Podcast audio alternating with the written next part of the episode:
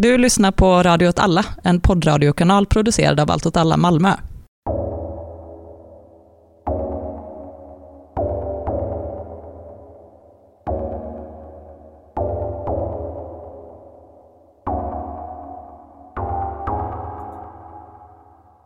Ja, hej och välkomna till Eld och rörelse. Hej, tack så mycket. Välkommen själv. Tack, tack. Hur är det med dig? Jo, det är helt okej. Det är mycket, men ändå bra. Sover bra så? Du, i natt så sov jag bra, bortsett från en incident som du vet om, men som jag inte vill tala om i radio. Mm, Din eh, beryktade kramp. Ja, det var helt sjukt. Jag trodde jag skulle svimma, så jag inte gjorde det. Okej. Du har Äh. väl någon historia av eh, njursten? Har du inte det? Ja, en gång har jag haft njursten och trodde jag också jag skulle dö kanske. Mm, tänkte du att du skulle dö i natt? Nej, men du sa det att man bara svettas för att det gör ont. Man börjar må illa för det gör ont och det bara svartnar lite för ögonen. Man vet inte riktigt vad som händer, var man är på väg. Liksom. Nej, just det. För det var inte en vital kroppsdel som, som var satt ur spel i natt, så att säga. Det beror sig på vad man menar med vital, men det är... Du trodde inte att du liksom... Nej, men jag visste inte riktigt vad som hände. Det var läskigt. Nej. ändå Ja, det är Mm. läskigt. Proctalgia fugax, googlade inte. Okej. Det kommer väl liksom lagom svårt att, att pausa och spela tillbaka och försöka höra vad du sa. Så det blir säkert skitbra. Hur är det med dig? Jo, nej men det är bra. Eh, Jag är mitt inne i en hustransaktion. Bostadstransaktion. Jag köpa hus.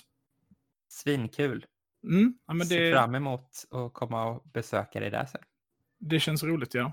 Ehm, Ja, det blir väl kanske en liten poddstudio där Just det. Det är något sätt. Med riktigt nice. Mm. Permanent setup eh, post-corona då. Dagens avsnitt blir ett, ett mer eh, militärteoretiskt avsnitt. Vi har haft ett par stycken sådana nu. Där vi liksom diskuterar krigets grunder på något sätt. Och idén till dagens avsnitt föddes faktiskt bara för någon dag sedan. Kopplat till, eh, till en diskussion på Twitter, eller en text på Twitter som cirkulerade. Mattias Våg som har podden Apans anatomi pingar in oss där på en text. Just det. Heter The Swarm Approach to Warfare, An Introduction for Frontliners, eh, som är upplagd på bloggen Ill Will Editions och har legat uppe där några dagar. Och den eh, gör en ganska klassisk grej och det är helt enkelt att eh, använda militärteori för att försöka dra lärdomar i sammandrabbningar med polisen. Och den bloggtexten lutar sig på en studie gjord av Rand Corporations National Defense Research Institute som är ett fristående forskningscenter som utför väldigt omfattande studier för amerikanska försvarsmakten. Och eh, där har eh, två personer, John Arquilla och David Ronfelt, skrivit en rapport som heter Swarming and the Future of Conflict som publicerades 2000 där de helt enkelt gör en väldigt filosofisk, väldigt militärteoretisk analys och förslag för att förändra den amerikanska doktrinen i krigsföring. De säger, vi har gjort så här förut, nu borde vi göra så här istället. Ja, men precis. Vi måste ändra om hur vi tänker på krig och hur vi förstår hur vi använder våra styrkor. Okej, nu kanske jag föregriper lite, men vad är basen till att de tycker att man måste göra den här förändringen? Ja, de bygger upp ett, ett, ett case kan man säga som bygger på att det har funnits fyra stycken stora paradigm inom krigsföring som har förändrats eh, genom historien. Och de här fyra stycken paradigmen är liksom närkampen, eller melén, massan, manöver och sen det fjärde är då svärmen. Okej, då vill man såklart ha en genomgång på de här en och en då. Alltså de, närkamp melee tänker jag att det är lätt att fatta att det är när man slåss med handvapen mot varandra antar jag. Mm, på en ganska liten skala, då, då menar de då liksom egentligen från som stenåldersstriderna där liksom mindre stammar krigar mot andra mindre stammar, men även då framåt i tiden, in på, på medeltiden och så. Och sen så kommer massan, och massan är ett linjärt sätt att kriga, det är mycket mer eh, linjer, det är centrering av trupp, man börjar komma liksom enklare ordergivningssystem som kan ges över, över större ytor med, med liksom, eh, Signalister och kurirer. Ja. Ja, men precis. Signalisterna kommer lite senare. Men, men liksom kurirer som kan skicka ut order. Och då börjar man liksom se allt från då Napoleon och till, men även liksom till viss del då fram till första världskriget. Men det är de här stora blocken av folk som marscherar mot varandra liksom. Mm, precis. Och sen då med andra världskriget så kommer då det som är rådande idag och eh, i, de liksom, i alla eh, militärmakter idag. Eller? Alltså manöverkrigsföringen. Och manöverkrigsföring kan man väl enkelt säga handlar om att hastighet och beslutsfattande och eh, ordergivning börjar ske i en mycket snabbare takt. Och det så kan man liksom sägas är en väldigt förenklat, men, men kanske peak manöverkrigsföring, eller då manöverkrigsföringen verkligen slår igenom, är ju med hjälp av de tyska pansarkåren under andra världskriget. Som då kan liksom använda sin mobilitet, sin mekaniserade trupp, kombinerat med sina stridsvagnar, bryta igenom fiendernas linje, inta positioner, slå mot central gravity, förflytta sig igen och så vidare och sen följa upp då logistiken. Så hastighet är ju extremt centralt i manöverkrigsföringen. Och både hastigheten, alltså rent kilometer i timmen hastighet, men även liksom beslutsfattande hastighet. Ja. Efter andra världskriget så intar ju alla större krigsmakter manöverkrigsföringen som sitt sätt att föra krig. Ingår det det också att man inte ska möta varandra styrka mot styrka riktigt, utan att man bara ska bryta varandras linjer och så? Ja, men man ska ju möta varandra, fast den som manövrerar bäst väljer ju var man möts och vem det är som möts. Och då kan man ju då använda olika force multipliers, alltså surprise, alltså överraskningsanfall, det här vi pratat om tidigare, men och koncentrering av, av eh, eldkraft och så vidare. Och så kan man välja att slå ut centrala punkter och så kan man förflytta sig igen. Inget av de här, de här tre då, dåtida, det är inte heller en liksom historisk linjär progression, utan milén sker ju på något sätt samtidigt som massan sker, fast på vissa platser. Och manöverkrigsföring kan man ju mena att preussarna utför under Napoleonkrigen till viss del. Men det är de här fyra stycken stora och man kan hela tiden säga att den som är först med att gå över till det nya paradigmet är ju den som vinner kamperna. Inte uteslutande, men det spelar en viktig, en viktig punkt. Om vi lite går tillbaka då till den här texten, den här artikeln på Illwill Editions och stannar upp för den lite, så kan jag vara ganska kritisk till hur den texten är formulerad och vilka slutsatser den drar. Framför allt för att jag tror att det generellt är ett misstag att förstå upplopp eller sociala konflikter som militära konflikter. Ja. Jag tycker också att det är lite konstigt för studien som de har läst tittar på upploppen och säger här kan vi se svärmen. Ja. Av detta kan vi lära det här. Det är som tvärtom från Rand-institutet, att de Ja. kollar på upploppet och lär sig. Ja. Mm. Och sen ska upploppet titta på Rand Institutes analys av hur man centrerar eldkraft. Den här texten, The Swarm's Approach to Warfare, är inte bara baserad på den här forskningsrapporten. Utan Nej, okej. andra och använder begrepp som inte riktigt är hemma i den rapporten också. Som syftar till, till eh, andra studier och andra militärteoretiska begrepp. Men det är uppenbart att den här svärmstudien är det som står i centrum och man känner igen det mesta för man läser den. Jag ska se till att länka den också om man vill läsa den. Den är på 100 sidor. Ganska läsvärd om man är intresserad av, jag vet inte, militärteori. Säg det, bara säg det. Men det är liksom nästan på filosofisk nivå, så ska sägas. Mm. Det, det, är liksom, det är väldigt eh, flummigt bitvis. Men okej. De menar att det finns de här fyra stegen och de menar att vi kan se att eh, svärmen, det här fjärde paradigmet, där vi befinner oss nu då enligt dem, eller redan befann oss 2000. Varför 2000? Då skrivs den, just det. Ja, precis. Så har de tittat på eh, många olika, de refererar liksom till, till många olika historiska händelser och, och både samtida och, och dåtida militärslag. Allt från liksom mongolerna till Vietnamkriget till zapatisterna i Mexiko till eh, upploppen i Seattle. För att bygga upp Eh, den här eh, berättelsen, eller om man ska säga stärka den här studiens hypotes. Okej, för att liksom diskutera det här så säger de att svärmen har alltid skett i någon mening. Svärmen har varit en integrerad del av för krig. Vi kan se massa olika historiska exempel. Framförallt kan man väl, ett enkelt exempel att ta, Djingis khan då till exempel. Den mongolska horden på något sätt använder svärmtekniken. Och vad är då den här svärmtekniken, ifall den ska brytas ner? Då tittar de, pratar de bland annat om, om insekter som använder svärm, som- svärmen som begrepp. Det är väl kanske det man associerar det mest till. Enda stället jag har input här riktigt då.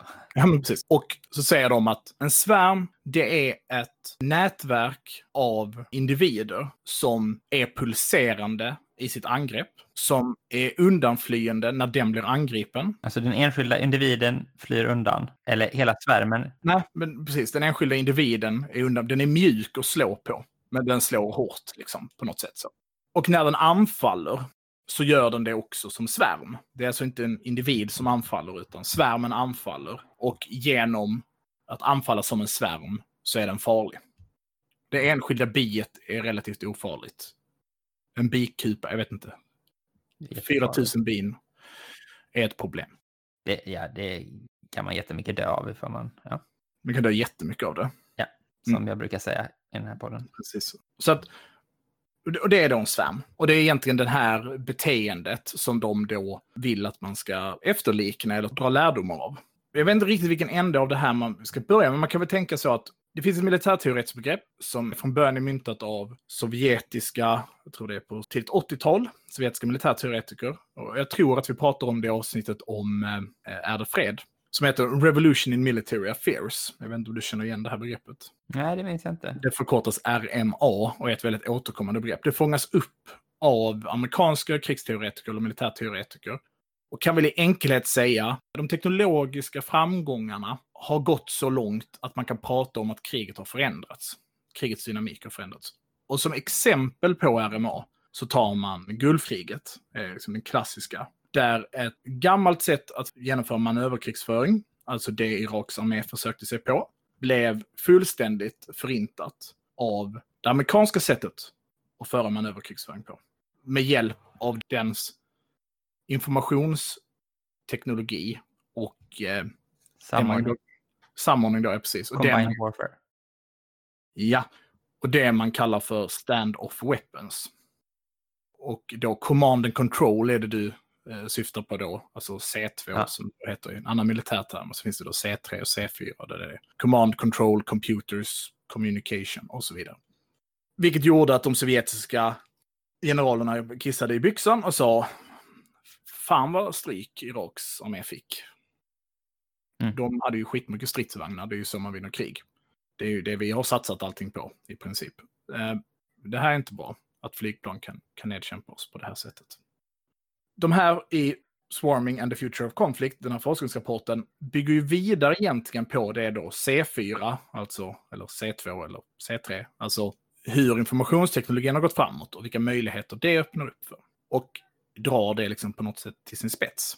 Om vi stannar lite i den här forskningsrapporten och lite i kriget så kan vi hoppa tillbaka in i, i liksom upploppet och förstå hur det här hänger samman. Men då säger de att det gamla sättet att föra krig på har hela tiden varit begränsat av att beslutsfattare har uppifrån behövt ta beslut. Informationsdelningen har skett på ett sånt sätt så att det har inte varit möjligt för enskilda individer att på något sätt dela all den informationen som finns tillgänglig. Utan någon har behövt sålla den informationen och sen ta ett beslut och sen har alla fått agera på det. Och det i sin tur har då krävt att de här styrkorna har behövt vara sammanlänkade. Både då geografiskt sammanlänkade, man behövt liksom ha kolonner till exempel. Eller man har behövt ha flottiljer som är sammanlänkade på en yta. Man har eh, behövt eh, plutoner, och kompanier och bataljoner och brigader som har liksom rört sig i någorlunda samma plats för att både hantera någorlunda samma typ av information och befälen har snabbt kunnat behöva skicka vidare den informationen med ungefär lika stor förståelse som de som får ordern. Men på grund av den här teknologiska förändringen så kanske vi befinner oss i ett läge där vi inte behöver hantera information på det sättet längre. Utan de enkelt föreslår en modell där, vi ska kanske bryta ner det i sina mindre beståndsdelar senare, men de föreslår en doktrin där du har i princip helt decentraliserad militärstruktur där olika pods, som de väljer att kalla det, agerar med samma information. En podd befinner sig liksom på plutonstorlek, alltså 30 till 45 man ungefär, och har samma information som en brigadgeneral hade haft tidigare. Mm, de vet allting vad som håller på att hända runt omkring dem. Och... Precis, och de är liksom autonoma i sitt sätt att ta beslut. De vet ett generellt uppdrag de ska utföra. Och det här sammanlänkar med en annan relativt tysk modell för beslutsfattning, det vi då kallar för uppdragstaktik. Har vi också pratat om tidigare, men att soldaten får en mer generell beskrivning av vad som ska utföras och vad målet med det som ska utföras och sen får befälen för kanske kompaniet då ta beslutet på hur det ska genomföras. Vilket gör att du får mycket snabbare beslutsfattning. Du vet vad målet är så gör du det bästa du kan för att uppfylla det så behöver du inte fråga är det här okej, är det här okej, utan bara köra. Du får inte ordern som är ni ska ta den här kullen och sen ska ni vänta där tills ni får en ny order. Utan ni ska ta den här kullen för att ni ska överfalla en pansarkolonn som kommer röra sig ner för den här vägen. Det är viktigt att ni slår ut så många som möjligt. Om det går bra så kan ju ni, vi ska liksom i förlängningen ta den här staden och, ja, och så vidare. Och så kommer ni till kullen och så tänker ni, fan vi borde ju inte den här kullen vi ska vara på. Det är ju den kullen, den är ju mycket bättre. Och då är det liksom fritt fram att vi tog en annan kulle. vi gör oss redo för att ta pansarkolonnen. Om man ska dumma ner det riktigt. Och det har ju visat sig vara otroligt effektivt. Och det är ju en av anledningarna till Tysklands rent eh, taktiska framgångar under andra världskriget, om man säger så. Är det här en preussisk doktrin redan? Jag tror det i alla fall. Jag tror att det kommer från den preussiska krigsföringen, där man liksom lägger väldigt mycket vikt vid de lägre officerarnas beslutsfattning. Okej, okay. får jag fråga en annan sak här? Jag läste ändå några sidor i boken. Då tyckte jag ändå så att de sa så att vara en svärm är inte nödvändigtvis att varje enhet tar egna beslut, utan det är själva just det här pulserandet du pratade om förut. Även typ tyska ubåtar agerade som svärmar fast de var väldigt detaljstyrda uppifrån från ett centralt håll. För jag känner ju annars spontant att svärmbegreppet för mig känns ju som att just varje enhet agerar autonomt. Liksom. Att vi har ett mål och så vet vi själva vad vi ska göra. Att både så här insekter och då, som jag ju ändå är bekant med en del, myror och bin och vad det nu är som anfaller, de har samma mål men individen tar beslutet om hur de ska göra. Och när man tänker på det som typ en svärmtaktik i demonstrations och aktionssammanhang så är det också så. Alla får veta vad vi ska göra och sen så får man bestämma själv resten av tiden. Men där tyckte jag att de sa att det inte var så. Men nu tycker jag att du säger att det är så igen. Hur är det? ja, alltså man kan nog tolka dem lite på olika sätt. Sen så delar de också upp eh, svärm i två olika kategorier. De pratar om swarming by fire och swarming by force. Där swarming by fire är hur du de facto angriper fienden. Medan swarming by force, eller as force, alltså som styrka, har mer att göra hur du förflyttar dig eller hur du liksom är organiserad som armé eller eh, som krigsmakt. Swarming by force är ju det här mer autonoma beteendet. Medan swarming as fire är ju mer det här, vi anfaller från alla riktningar, vi pulserar in våra angrepp. Medan Swarming by Force är ta er in någonstans i den här gränsen, rör er, patrullera fritt runt här inne, håll er gömda, vi kallar på er när ni behöver. Så man kan liksom prata om att i samma konflikt så har de olika sidorna svärmat. Fast på olika sätt. Om vi tar Vietnamkriget exempel så menar ju de att USA svärmade genom eldkraft medan kommunisterna svärmade som styrka. Okay. Och det de föreslår är en situation där du gör båda två. Sen så skulle jag säga att det är väldigt tydligt när de går vidare i hur de föreställer sig att den här strukturen ska se ut, att de pratar om ett alt channel network. De pratar om hur informationsnätverk kan se ut.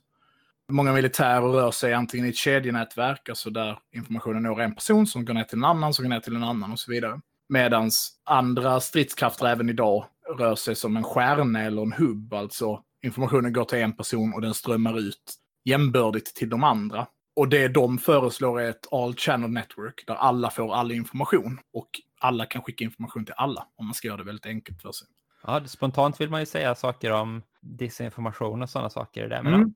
Det går de ju igenom då. Det här ställer ju då extremt höga krav på, på hur säkra deras informationsnätverk är. Och de lyfter många av de här problemen.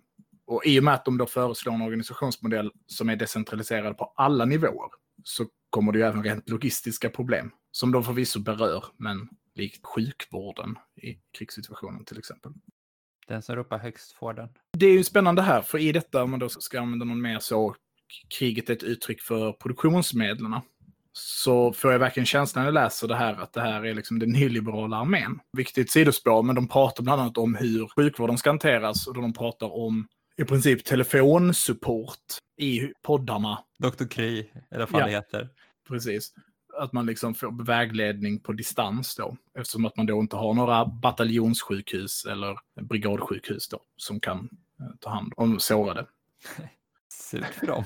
Eller så har de exempel på det skulle kunna se ut. Men det som är väl spännande i det är ju att de lutar sig till stor del på hur en svagare svärm, alltså svagare individer och färre individer i uttryck av svärm, har lyckats bekämpa starkare motståndare. Och jag tror de själva räknar på att när en grupp poddar går ihop då. I det här. Till exempel då habitat, eldrörelse, stundens hetta. För de går ihop så kan... Så kan de slå en, en starkare. Är det open? open ja, precis. Vi ska slå då, ännu med det. Hörde det, våg. Det, det är ett hot. Ja, poddarna, de här podsen, de kan ju då gå in och bilda vad han beskriver som kluster. Det är när flera poddar går ihop. Blir, flera pods går ihop och blir kluster. Och det kan de göra av flera olika anledningar. Till och med mer specifikt är det så att tre pods går ihop så blir de ett kluster och det ska de göra då när de anfaller. Och de menar då att när man simulerar det här så är det uppenbart att betydligt svagare kluster, numerärt svagare kluster, kan slå betydligt starkare motståndare. På grund av att överraskning och koncentrering av eld och flexibilitet är vad man säger är force multipliers. Man slår allt, man blir starkare. Man, man har mer verkan än vad man har individuellt om man gör detta. Och det är lite roligt då, för jag började läsa runt lite och kolla runt på olika, liksom, vilka försök som har, har gjorts. För, för jag funderade på hur, hur out in the blue det här är egentligen. Och då hittade jag bland annat att det fanns ett, ett projekt i, under kalla kriget som är när man får reda på att Sovjetunionen har börjat med en ny organisationsmodell. Jag kommer inte ihåg vad det heter, men det är så här operational maneuver någonting. Som i princip är att deras modell är att sätta in 500 stridsvagnar och 700 stridsfordon med logistik för att kunna vara självupphållande självuppehållande. Och sen ska de bara bränna in och bara ta så mycket mark. Klassiska så, tredje världskriget, kalla kriget blir varmt. Och då blir NATO stressade för att de är så här, men så mycket kan inte vi stoppa. Och då görs det ett förslag och det här börjar utvecklas som alltså är att man utveck börjar utveckla ett, ett flygplan, kan man säga. SMA Dragoons Eh, där det betyder Small Military Aircraft, som är så motorsegelflygplan om jag förstår det rätt. Vet du vad det okay. är för något? Ja, visst. Att man drar upp ett eh, segelflygplan med vanligt och sen så kan det flyga vidare lite själv, eller? Ja, men tänk som typ en go-kart med ett trekantigt segel uppe på med en fläkt i ryggen. Aha, okej. Okay. Ett sånt. Ah, ja. Alltså det är verkligen en, en, en eh, med pansarvärnsrobotar. Som då ska kunna scoot and shoot, alltså åka runt skjuta iväg pansarvärnsrobotarna och sen sticka snabbt som fan igen. Och hade någon idé om att kunna sätta in flera tusen sådana här, för de, de kräver inte så mycket. De är billiga att producera och du kan i princip låta infanterister göra det. När var det här sa du? 80-tal tror jag det är. Ja, ja. 81 tror jag man började utveckla. Det känns ju lite kamikaze-pilot-grejen också. Och det är ju också en svärm. Ja, det är sant. Eller swarming by fire då, att man flygplan generellt historiskt sett har använt svärmteknik, alltså att man driver runt i stora klungor och sen gemensamt anfaller man ett, eh, låt säga en eh, bombeskort eh, under försvaret, slaget om Storbritannien, alltså när man stred om luftrummet eh, över Engelska kanalen och sen över brittiska fastlandet. Väldigt framgångsrikt eh, använder man då en svärmteknik. Och kamikaze, kamikaze-tekniken då, som ändå skedde i ganska stor utsträckning, Alltså att man helt hänsynslöst bara dödade en massa människor för att de skulle, ja, nej, de inte gå in på Japan igen. Men där man helt enkelt gör de här kamikaze-attackerna väldigt samlat så att du överbelastar eh, luftvärnssystemen på skeppen. De, de kan inte skjuta ner alla kamikaze-flygplan, precis som en svärm.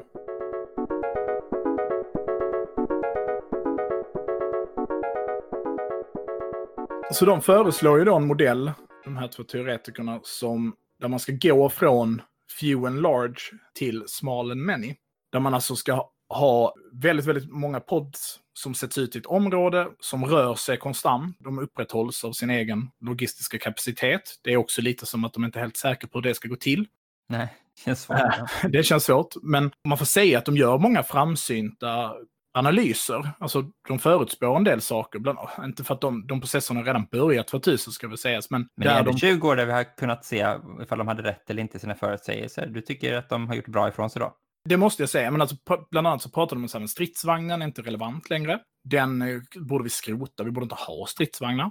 Okay, vi ja. borde istället ha lätta attackfordon. Det är ju en process vi alla högt... Typ technicals. Ja. Precis, eller då... Ja, nu tappar jag namnet i huvudet, men Ridgeback och allt vad de heter, alltså de här väldigt tunga jeeparna. Eller man ska beskriva dem som. Som ska röra sig runt och sen så ska det finnas svärmande understödsvapen då, så flygplan och, och flottor som anfaller där liksom infanteristen med infanteriburna vapensystem är det som står i centrum. För de, de pratar om att de här pods och kluster och svärmteknik har använts framför allt av irreguljära trupper i icke-statliga krigsmakter då, på något sätt.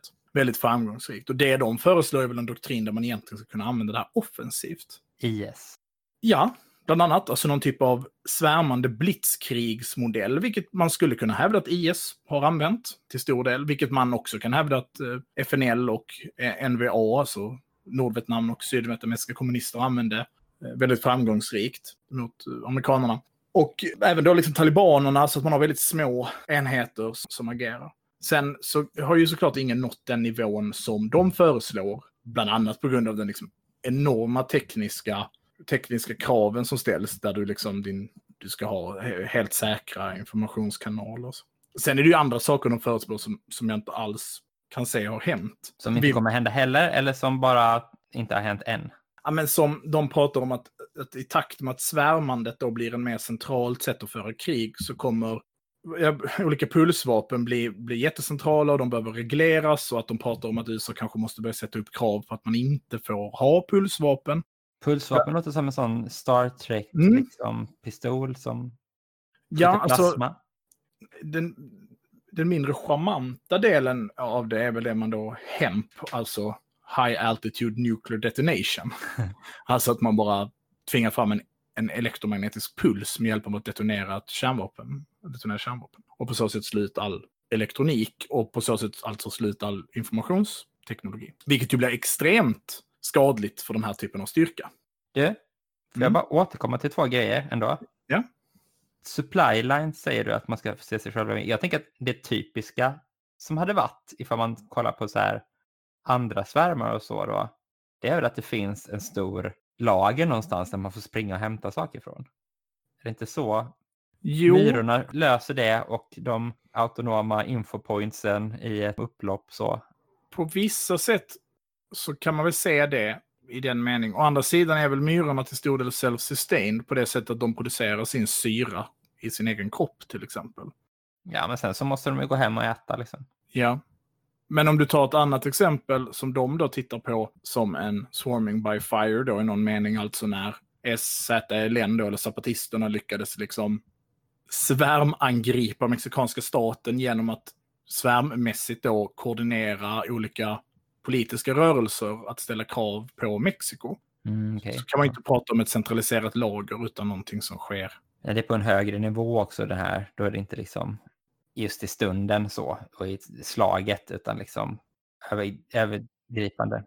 Ja, men ponera då att du har, det blir specifikt här, men, men om vi tar ett kluster bestående då alltså ungefär 120 man som eh, befinner sig i en eldstrid. De gör de här pulserande angreppen mot en fiende.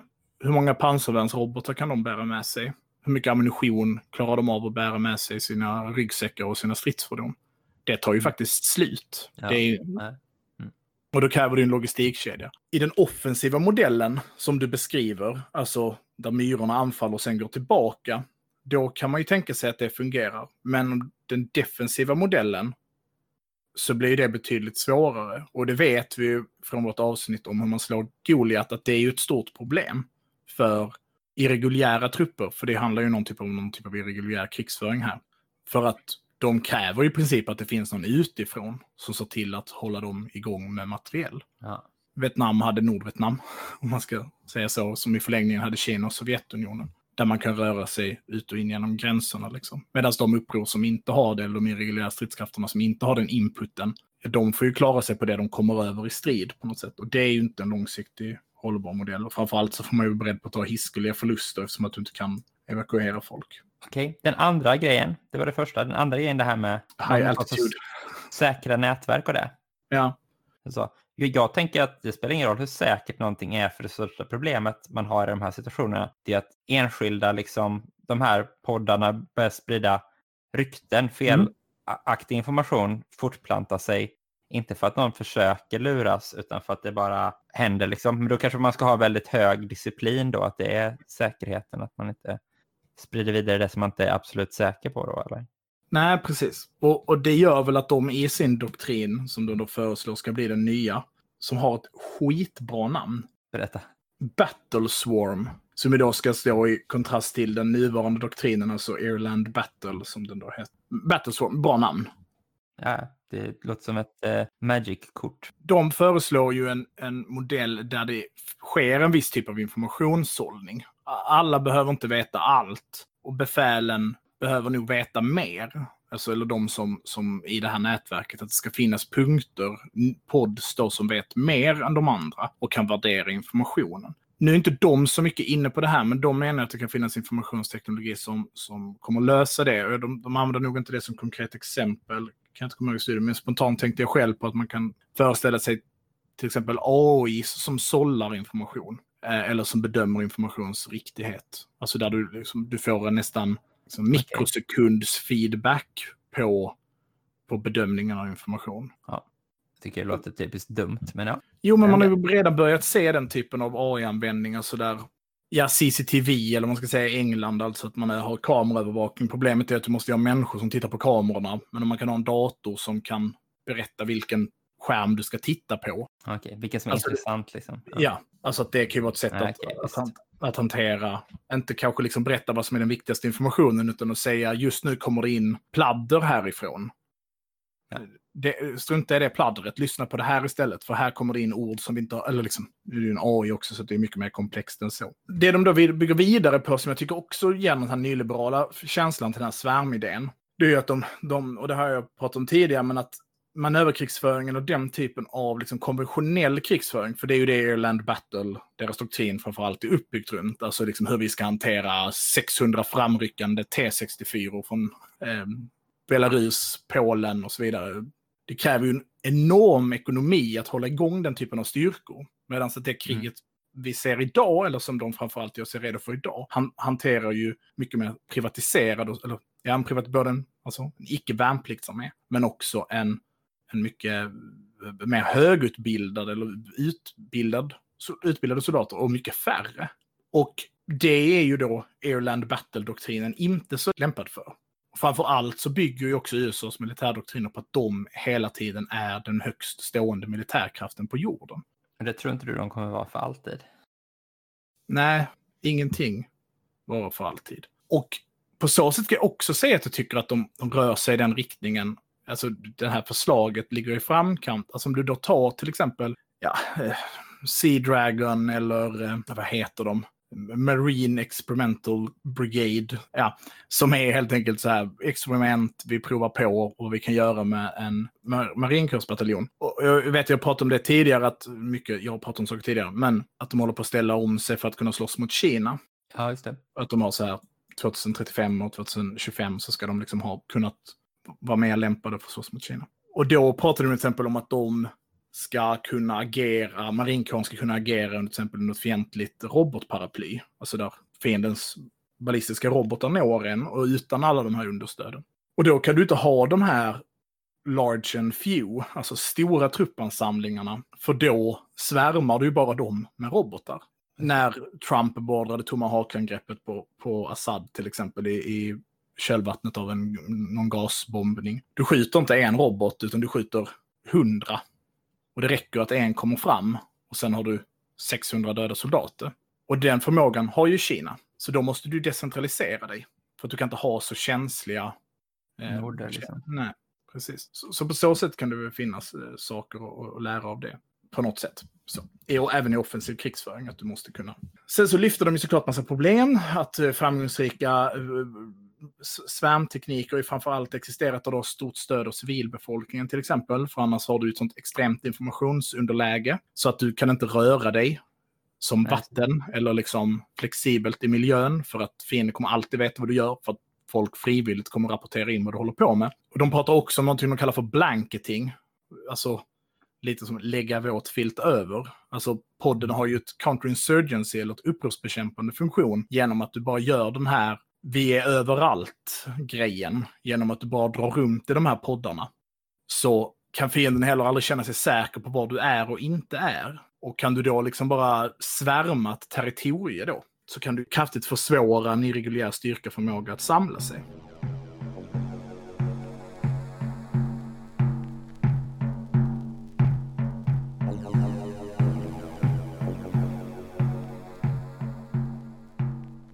Om vi då vänder tillbaka där på något sätt och pratar om den här eh, texten, om, om eh, upploppen, ja. så kan jag väl säga att, eller är det kanske snarare en fråga till dig då, vilket liksom tänkande kan man dra ur den här logiken eller doktrinen för att förstå upplopp? Jag vet inte, de helt enkla basic-spaningarna är väl så bara, har man ett gemensamt mål som sagt och kan agera efter det självständigt så är det en fördel på något sätt. Då kan en mindre grupp uppnå något mer än vad de skulle gjort annars liksom. Det är inte i hur man försvarar sig som en svärm som är det som man kan dra lärdom av. Det är ju det de har tittat på. Och det kan upploppet redan. Ja. Utan det är hur man anfaller som svärm som de ställer frågor om, som jag tänker är intressant. Och mer specifikt då, och återigen, som jag sagt innan, så här, upplopp är inte krig. Det är inte en militär konfrontation. Det finns så väsensskilda karaktärsdrag som, som gör att jag tycker att det är fel att, att prata om dem som, som samma, liksom, i samma idébegrepp. Så är det ju absolut. Samtidigt så finns det ju så här allt från liksom så här enkla knep att lära sig och sånt till kanske ett större perspektiv. Jag menar, det, jag minns att när jag hade varit på Endy Gelände och kom hem och snackade med dig om det så var det ändå mycket vi snackade om hur saker efterliknade militära idéer med handsignaler om att få folk att röra sig på vissa sätt eller att gå i block och liksom, ja, sådana Ja, saker. precis. Det liknar ju ett, ett, det andra paradigmet, alltså massan.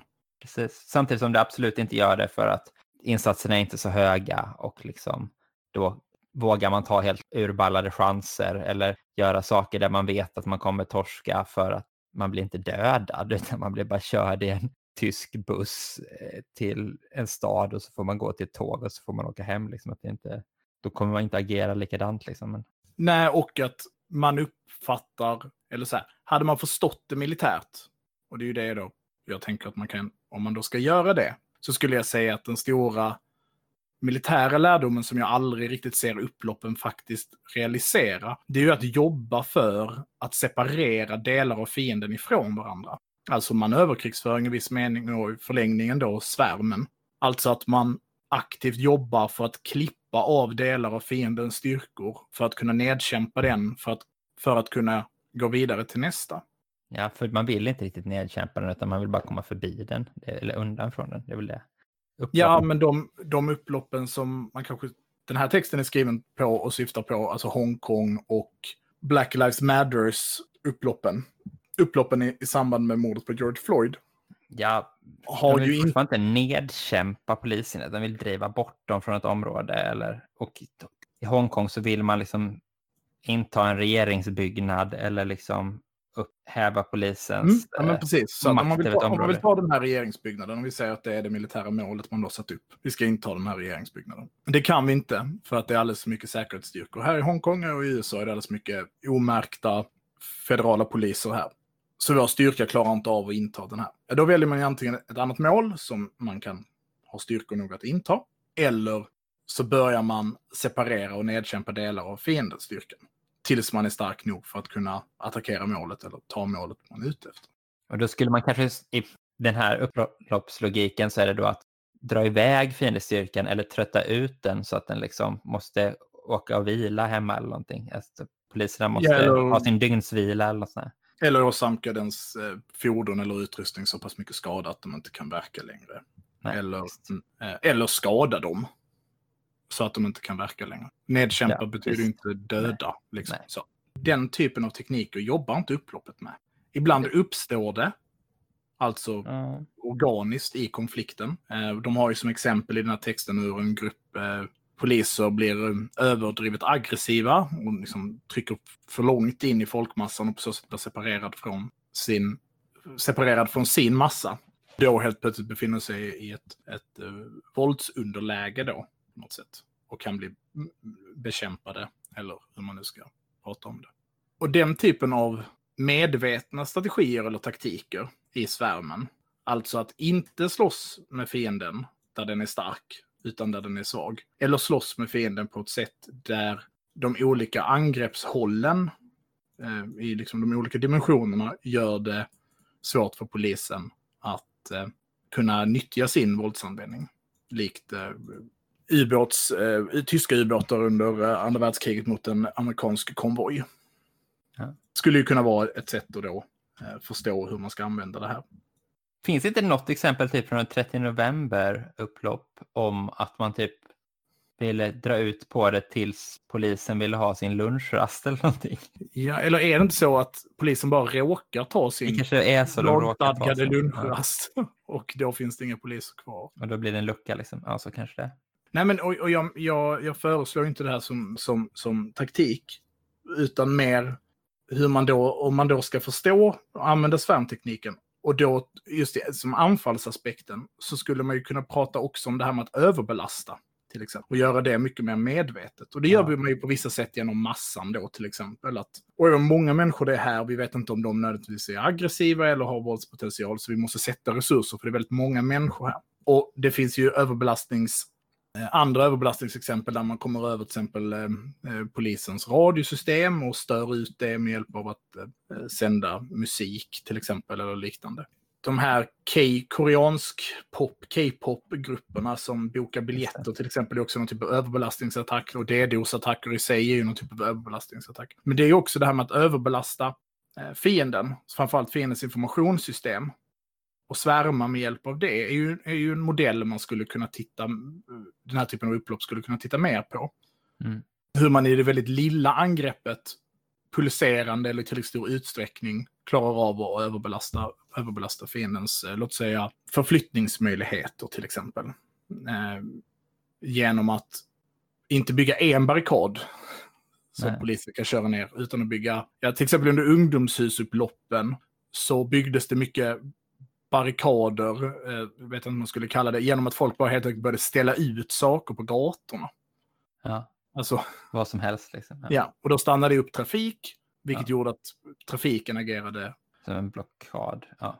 precis. Och det andra är ju då att om man har, vilket EZLN då använder på något sätt och vilket de även tar upp i rapporten, att om man har privilegierade grupper till exempel, eller grupper som, som staten är, är räddare för att skada, om man ska uttrycka det så, så kan ju de svärma och på så sätt göra det svårare att slå.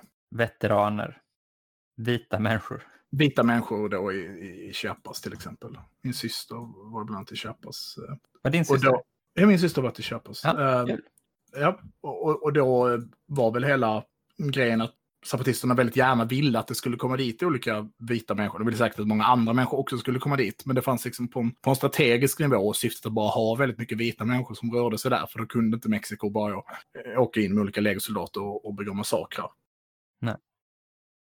Så, så det kan vi också modell. Och där kanske vi har de här eh, Moms Against Police Violence, jag vet faktiskt inte vad de kallar sig i, i eh, Portland till exempel. Nej. Som ju fyller den typen av funktion. Men istället då för att vara large and few, alltså ha stora samlingar, mer då ha det här decentraliserade. Och det kanske, likt den här texten då, kanske också ställer krav på koordination. Informationskoordination till exempel. på något sätt. Och det är en mycket känsligare fråga, för det medför ju massa andra problem. Alla maktpositioner kan korrumperas, infiltreras och så vidare.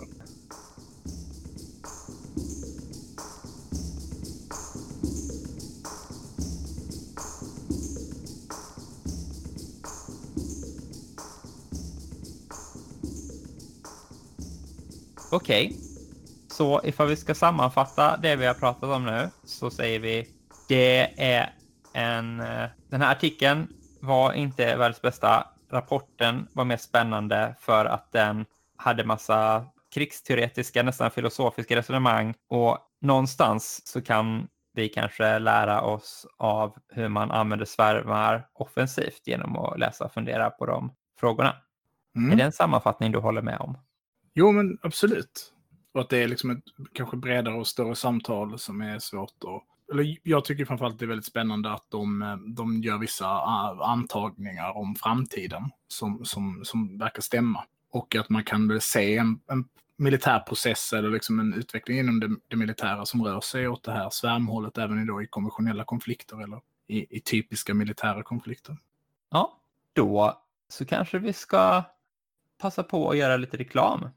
Mm. Först skulle jag vilja göra reklam för en annan podd som heter Habitat, där vi fick den stora äran att delta som gäster i här om veckan. Ja, det var mycket trevligt. Vi pratade om, om staden och eh, krig kan man väl säga. Precis, för det är en podd som handlar om städer eller urbana områden och, så, Mm. och politik i dem. Mm, så det kan man lyssna på. Man eh, hitta den ifall man söker på eh, poddhabitat säkert. Man kan också hitta den genom att gå in på tidningen Brands poddfeed. Där hittar man också alla eldrörelseavsnitt och Radio åt alla avsnitt. Tack till eh, Viktor som hade med oss och eh, han kommer säkert vara med någon gång i framtiden i ett eldrörelseavsnitt. Så håll öronen öppna för det. En annan reklam vi kan göra är ju att nu är det tröjdags för oss. Det känns väl jättekul? Ja, vi börjar ju närma oss eh, ett år också va? Ja, det är inte så långt kvar. Det är nu i höst. Nej, men det är ju lämpligt med tröjor till ett år då. Mm. Gärna tidigare. Och om man vill ha en tröja så är det så att vi är lite så här, "Ah, fan hur många vi ska köpa, det är inte en chef som lyssnar på vår podd. Men man är lite sugen på, på att köpa en tröja. Så kommer vi lägga upp någon typ av förbeställningslista som vi har ett hum. Och så köper vi lite fler. Så ifall det är någon som inte... Men jättegärna förbeställa. Eh, vi kommer lägga upp det både på, på Twitter och på vår Facebook-sida. Och även ifall man inte är den trognaste lyssnaren så är det en sjukt snygg tröja vi har fått designad till oss. Det är vi väldigt glada för. Den är jättefin. Och vi har väl eh, hintat lite med motivet på, på Twitter. Det är väldigt maffigt. Och sen så är det också så att det här eh, kostar oss pengar att göra det här. Och eh, det, vi tar tacksamt emot alla bidrag och vi tänker att det är ett schysst sätt att kunna ge tillbaka någonting också. Om man, man köper en tröja. Precis, absolut. Okej. Med de eh, sammanfattande reklamsnuttarna ska vi säga tack och adjö då. Ja, precis. Tack så mycket för att ni har lyssnat. Ni kan följa mig på Twitter. Där heter jag Trojkan1337. Ni kan följa mig också. Jag heter Slughall. Annars finns vi på Facebook. Där heter vi Eld och rörelse. Tack så jättemycket för att ni har lyssnat. Tack så mycket. Hej då! Hej då! Varför gör du alltid CP-röst? För att du ska klippa bort det.